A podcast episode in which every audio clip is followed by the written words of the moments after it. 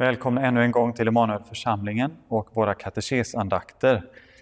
Vi rör oss i Herrens bön och nu har vi kommit fram till tredje bönen. Och vi inleder i Faderns och Sonens och den helige Andes namn. Amen. Vi ber med Saltaren 19. Himlarna vittnar om Guds härlighet. Himlavalvet förkunnar hans händers verk. Dag berättar för dag, natt ger kunskap till natt, utan tal och utan ord, utan att man hör deras röst.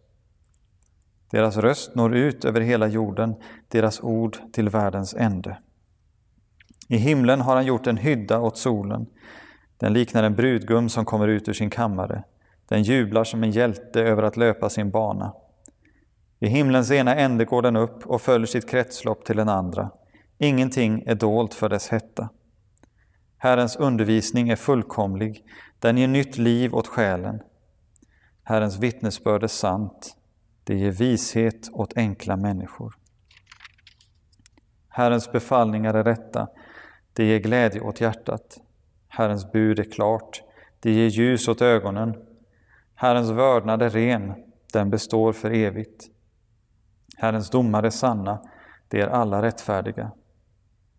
Det är mer värda än guld, än mängder av fint guld. Det är sötare än honung, än renaste honung. Genom dem blir din tjänare varnad. Den som följer dem får stor lön.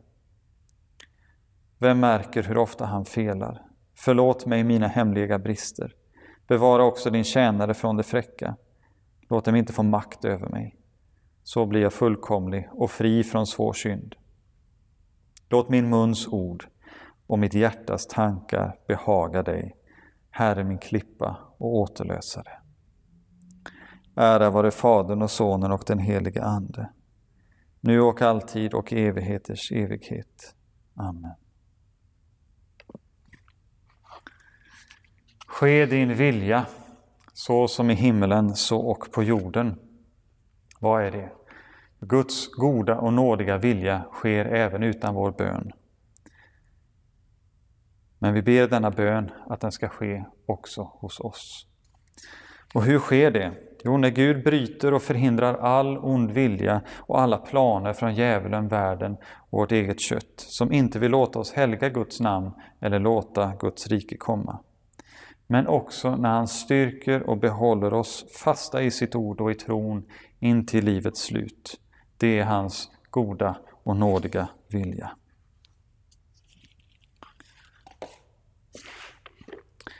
Ännu en gång uppmanas vi att be om någonting som sker även utan vår bön. För Guds vilja sker även utan vår bön. Och i Herrens böns första delar och även senare i bön 4 och 6 så möter vi någonting av vad som är bönens mysterium. Gud ger oss i Bibeln en massa löften. Han säger att han vet redan innan vi bett vad vi behöver. Och han uttrycker sin vilja att ge oss det vi behöver, ge oss sitt goda. Varför ska vi då be? Är det inte meningslöst? Är det onödigt? Är inte bön meningsfullt bara om vi får be om det vi vill istället för att bara be om det Gud vill och redan vill ge? Här kan det då vara på sin plats att säga någonting om vad det innebär att be i Jesu namn. Att göra det, att be i Jesu namn, det är att be i enlighet med hans vilja. En del hänvisar till Johannes 14, 13-14 där det står Och vad ni än ber om i mitt namn ska jag göra för att Fadern ska bli förhärligad i Sonen. Om ni ber om något i mitt namn ska jag göra det. Och så menar man utifrån detta att Jesus i princip gett oss ett tomt papper där han längst ner har skrivit under med sitt namn och sen kan vi fylla på vad vi vill där innan och så, så ska det göras. Så har jag tro och ber i Jesu namn, ja då får jag allt jag önskar. Jag redan kanske har allt jag önskar och att det bara gäller att be fram det. Och då blir det ungefär som med anden i lampan. Så man gnider där så kommer anden ut och så upp, tvingad till att uppfylla alla ens, ens, ens önskningar. Men nyckelorden här är i Jesu namn. Vad vi än ber om i Jesu namn har han lovat att göra. Så för att ännu en gång låta Guds ord förklara sig självt vänder vi oss till vad Johannes skriver i sitt första brev, eh, kapitel 5, vers 14-15. Den tilliten har vi till honom, alltså Gud, att om vi ber om något efter hans vilja så hör han oss. Och om vi vet att han hör oss vad vi än ber om, då vet vi också att vi har det vi bett honom om. Så, om vi bett om något efter hans vilja har vi här alltså tillsammans med vad vi än ber om. En rätt bön är alltså inte en bön som bara avslutas med i Jesu namn, som om det vore en trollformel som vi kan styra Gud med. Nej, när Jesus säger att vi ska be i hans namn så lär han oss att bönen inte är så mycket ett sätt att genomdriva vår vilja gentemot Guds vilja, utan ett sätt att gå in under Guds vilja. Och något som han själv, detta är ju någonting som han själv visade allra tydligast i ett semane när han bad Ske din vilja, inte min, när han stod inför korset.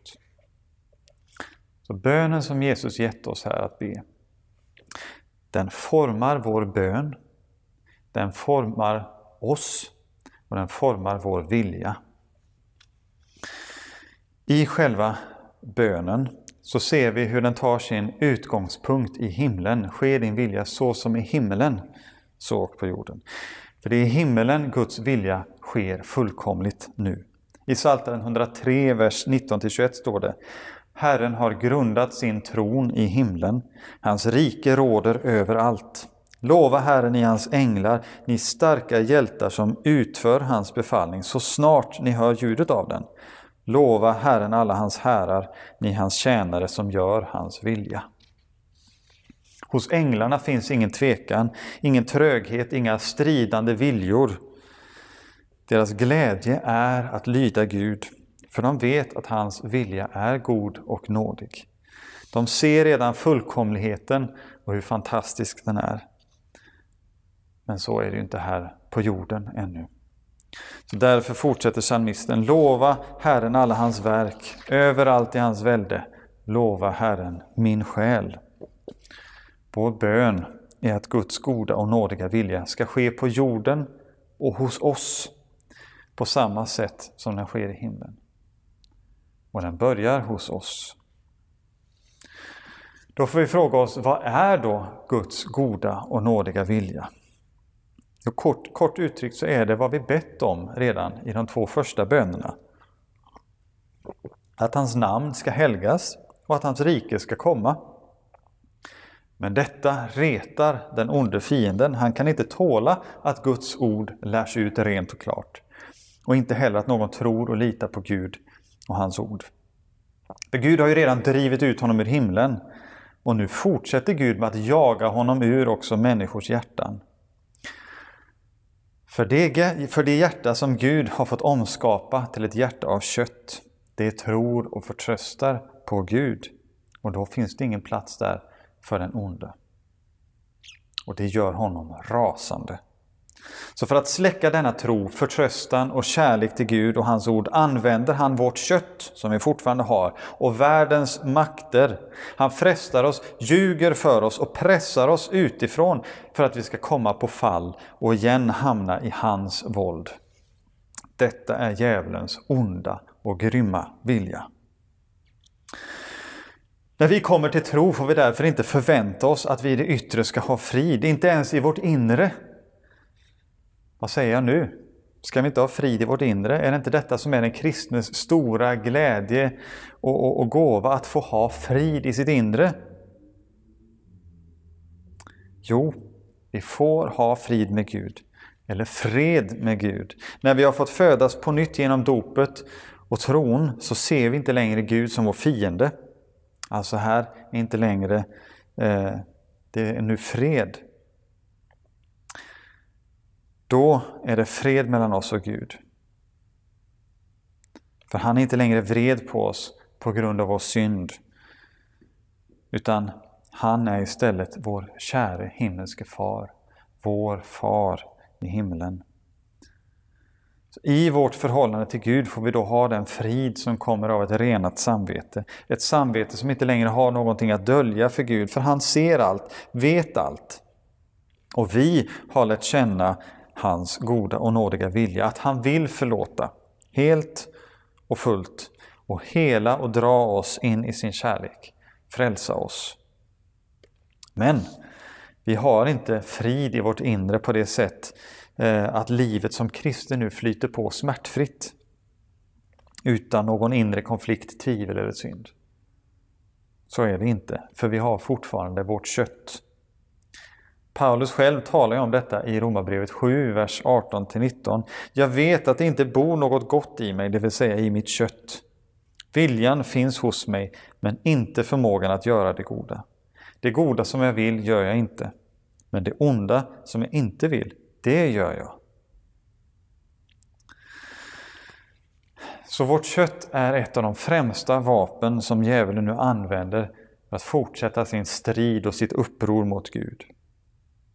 Men Gud strider för oss genom att han har sänt sin ande i våra hjärtan som för en kamp mot köttet.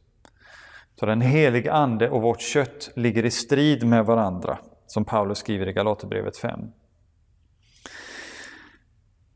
Nu är det viktigt att säga en sak också. Djävulen, han är en förkunnare. Och han är en lömsk förkunnare. För det är inte så att han bara ljuger för oss, utan många gånger talar han faktiskt också sanning.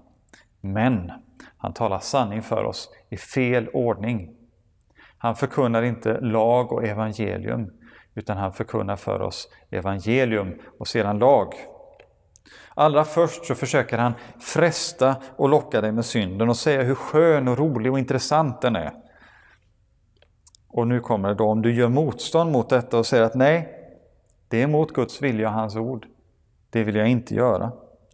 Då tar han till evangelium och berättar för dig om Guds förlåtelse och hur det inte är så farligt med synden, för Gud är ju så god och barmhärtig att han förbarmar sig över den som vänder sig till honom och ber om förlåtelse. Då är det väl ingen fara? Du kan ju alltid be om förlåtelse. Men när du väl lyssnat till honom och sedan fallit, då bör han förkunna lagen för dig istället. Han berättar för dig om Guds helighet och rättfärdighet, hans vrede över synden och hur ingen syndare kan bestå inför honom. Han gör klart för dig hur usel du är, hur besviken Gud är på dig och att du inte är värd att kallas Guds barn. Så bäst är om du springer iväg och gömmer dig. För Gud har ändå ingen glädje av dig och nytta av en sån värdelös kristen som du. Du har haft dina chanser, men sumpat dem. Detta är djävulens förkunnelse. Någonting åt det här hållet hände i den tidiga kyrkan när man fick en förvriden syn på dopet och Guds förlåtelse. Man började skjuta på dopet för att man tänkte att dopet är som en nollställning som bara kunde ske en gång. En fullständig förlåtelse fick man i dopet, men den kunde inte upprepas. Efter dopet var det istället stränga botregler som gällde. Och det var också här som sen i medeltiden munklöftena kom in. Det var liksom som en, ett sätt att göra om det där med dopet. Att få eh, en, en så fullständig nollställning igen genom att gå i kloster. Men här i den tidiga kyrkan, framförallt på 300-talet och så, så blev det ganska vanligt att man sköt upp dopet därför tills man låg på dödsbädden till och med. Eftersom man då tänkte att om jag döps precis innan jag dör, ja då hinner jag inte förstöra dopets nåd. Men även om dopet ges bara en gång, så är Guds nåd och förlåtelse något som är varje dag ny. Någonting som vi får ta emot varje dag, som Luther skriver senare i katekesen. Vad betyder detta dop i vatten? Jo, det betyder att den gamle Adam i oss med alla synder och onda begär ska dränkas och dö genom daglig ånger och omvändelse och att sedan en ny människa dagligen ska uppstå och komma fram som lever i rättfärdighet och renhet inför Gud för evigt. Nu ska jag inte gå in alldeles för mycket på vad som kommer senare i Herrens bön, men tänk ändå på detta. När Jesus gav oss en bön att be, och att be ofta, så valde han att ta med följande bön och förlåt oss våra skulder. Det är så självklart att det finns där för oss, vi tänker kanske inte alltid på vad det innebär.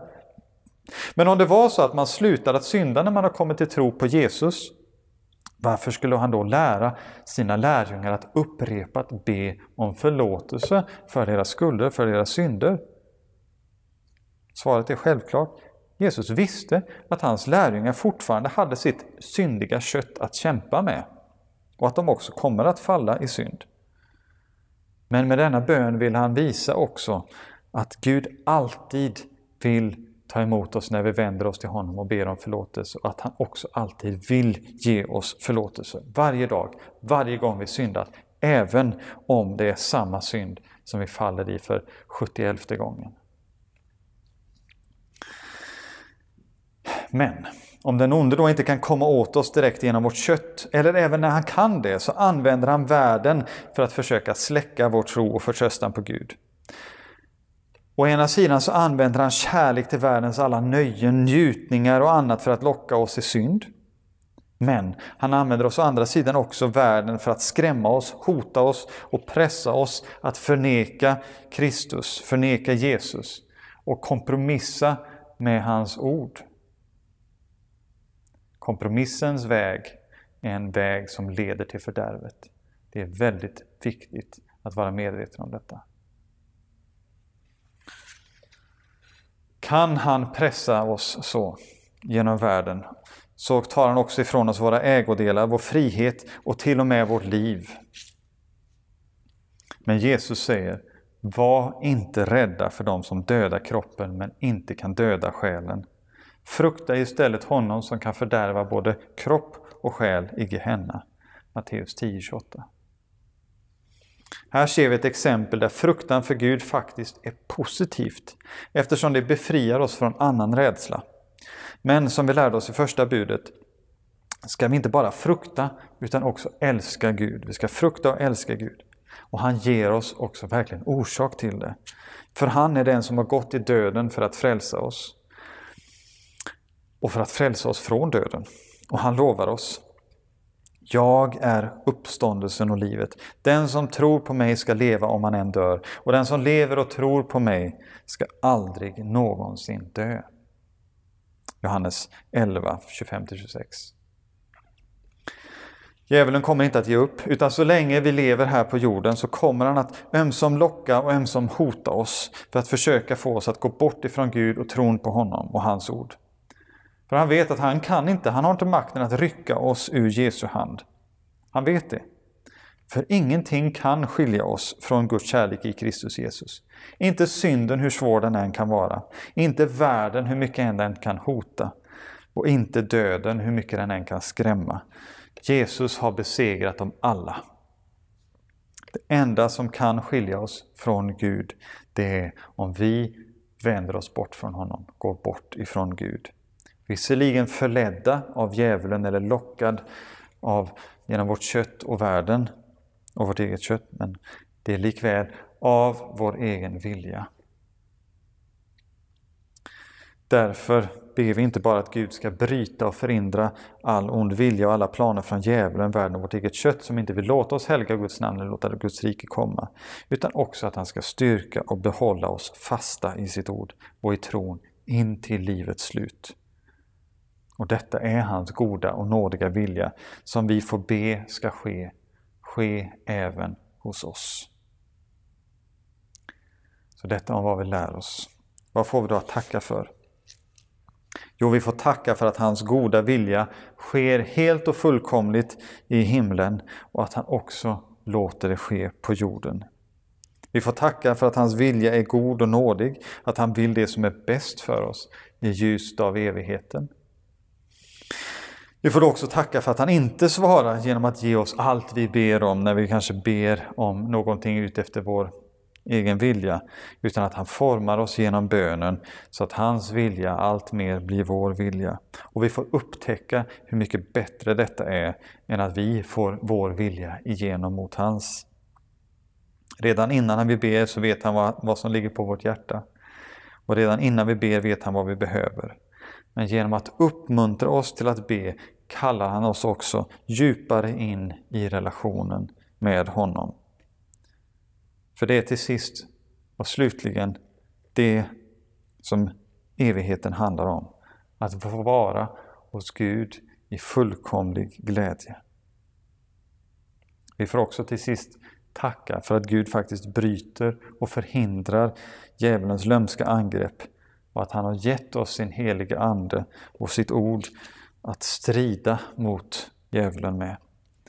Och att han försäkrar oss om att segern redan är vunnen åt oss av Jesus. Varför då bekänna? Jo, vi får bekänna att vi många gånger önskat att vår vilja skulle ske istället för Guds. Att vi har låtit köttet tala högre än Guds ande och hans ord. Vi får också bekänna att vi inte alltid har litat på att Guds vilja med oss är god och nådig. Så att vi tänkt att han missunnar oss det som vi tänker är det goda, rätta och bästa för oss. Vi får också bekänna att vi många gånger låtit vår rädsla för vad världen ska tänka och tycka styra våra tankar och handlingar. Och också för vår fruktan för världens våld och hot. Vad får vi då be om? Jo, i allt får vi be att Guds vilja sker på jorden som den sker i himlen. Och att den får börja hos oss genom att Gud med sin ande strider mot och dödar vårt kött och formar vår vilja genom sitt ord i bönen. Så att vår vilja mer och mer kommer i linje med Guds vilja. Men då får vi också lyfta fram politiker och andra med makt inför Herren och be att de ska inse att deras uppdrag kommer ifrån Gud och då också har ett ansvar att förvalta det på det sätt som han har uppenbarat i sitt ord. Och vi får be för alla människor att Guds namn ska vara helgat också bland dem och att Guds rike kommer också till dem. Så låt oss därför kort be. Nådefull och gode Far, du som regerar över himmel och jord, bryt och förhindra all ond vilja och alla planer från djävulen, världen och vårt eget kött, så att ditt namn blir helgat och ditt rike kommer. Styrk oss också behåll oss fasta i ditt ord och i tron in till livets slut, så att vi inte förleds att gå bort från dig eller tvivla på din goda och nådiga vilja med oss. Och låt också din goda och nådiga vilja bli även vår vilja. Amen. Fader vår, som är i himmelen. Helgat varde ditt namn. Tillkommer ditt rike. Ske din vilja, så som i himmelen, så och på jorden. Vårt dagliga bröd giv oss idag och förlåt oss våra skulder, så som och vi förlåta dem oss skyldiga äro. Och inled oss icke i frestelse, utan fräls oss ifrån ondo.